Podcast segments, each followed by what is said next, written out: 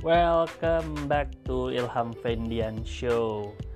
Uh, today gue mau review Zack Snyder's Justice League.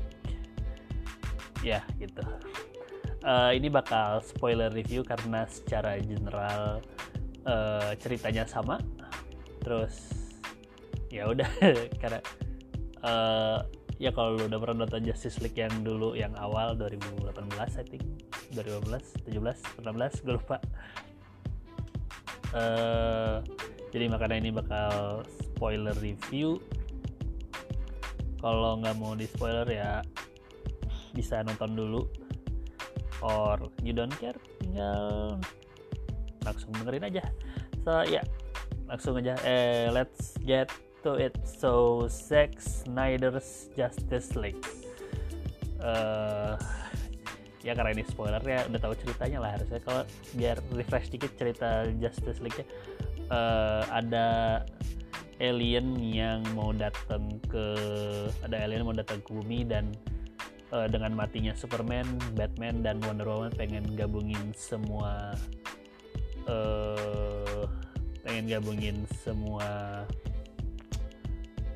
semua superhero yang ada untuk melawan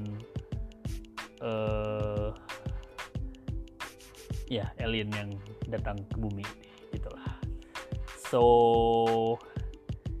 jadi ceritanya gimana ya? Kayaknya gue untuk review ini lebih banyak ngebandingin uh, antara Zack Snyder, Zack Snyder Justice League sama Justice League original yang di director sama Joss Whedon ya. Jadi it's not beat per beat gitu. Tapi gue mau kayaknya karena ini lebih gue lebih banyak kebandingin tapi kalau secara general man 4 jam filmnya Zack Snyder. I mean I don't mind dengan 4 jam itu gue gue sih bisa tahan karena it's for me it's interesting gitu. It's secara general it's uh, uh, improvement yang jauh. Nggak jauh ya jauh lumayan cukup jauh lah dibanding sama Justice League yang original gitu. Tapi 4 jam itu terlalu eksesif menurut gua dan uh, 4 jamnya sendiri itu sangat menurut gue karena sangat-sangat terlalu Zack Snyderism as in the slow mo slow mo machine-nya lagi di crack up hampir di berapa menit sekali kali ke, uh, untuk uh, apa uh, di filmnya ini gila. Kayak dan gue paling annoying bagian kayak Wonder Woman setiap Wonder Woman yang berhubungan dengan Wonder Woman ada uh, slow mo plus ada kayak lagu back soundnya menurut gue itu annoying banget karena dia, dia di slow mo dan terus ada kayak gema-gema back soundnya it's satu one short twice it's okay ini ini seti karena banyak actionnya Wonder Woman it's so amazing. Itu, itu yang menurut gue ih just it moving. Karena personally ini it's gak harus setelah nonton ini sampai beres gak harus 4 jam gitu. It's you can cut it into ya 3 hours lah. Kalau ya 3 hours cukup. Ya 3 hours lah bisa gitu. Dan I think it's selalu masalahnya dari Zack Snyder dia tuh terlalu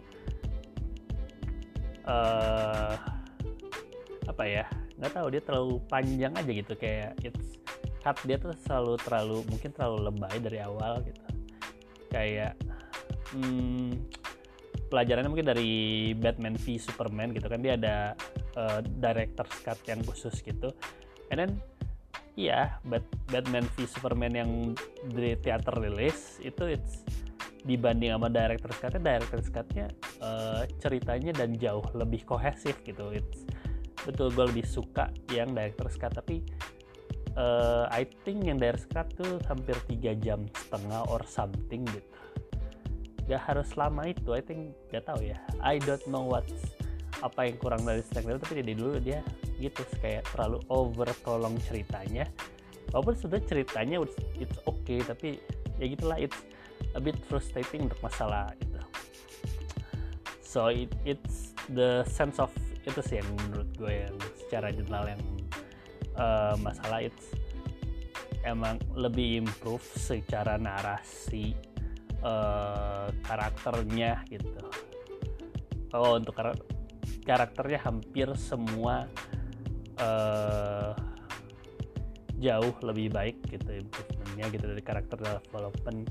Gak semua tapi dibanding sama yang uh, Justice League original gue lebih suka yang ini. Tapi ada satu karakter yang menurut gue jauh lebih uh, berkembang di bagiannya Joss Whedon yang original. And yang another dari sini yang stand out tuh menurut gue bagian cyborg. Jadi cyborg benar-benar sentral sentral film ini. Jadi heartnya gitulah gitu. uh, which is great gue itu itu itu sangat bagus ya menurut gue emang pas di film pertama kayak ya cyborg ya ada aja gitu. Dia teknologi ya kan cool cool cool. And then apalagi ya? The another one is uh, Batman.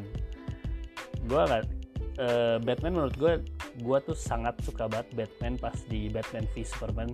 Bebas mau yang pas bagian uh, apa yang original or bagian director cut. Karena it's dap dapat banget Batfleck sebagai Batman gitu ya. Tapi pas di Justice League-nya uh, Joss Whedon uh, gimana ya dia jadi mengeluarkan kata-kata yang tidak Batman banget gitu lah. Menurut gue sih gitu kayak jadi uh, apa ya yang paling ketara tuh untuk je, je, yang pas uh, bagian Justice League original ada dia dilempar sama Superman gitu terus dia ada nge bercandaannya gitu lah. Kayak apa ya aduh punggung gue lah gitu intinya. It's it's not Batman banget menurut gue kalau di sini it's kalau di sini gue dapat Batman-nya lagi. And then I think Wonder Woman sih di sini uh, sama aja sih nggak I don't see any real difference between uh, this side um, uh, yang di Zack Snyder sama di uh, apa? Zack Snyder sama di Justice League original Be Aquaman juga sama kayak Wonder Woman kayak kayak Wonder Woman. Cuman dia nggak ada benar-benar karakter yang uh, berubah. Karena dia cuma bener benar orang-orang one liner gitu lah.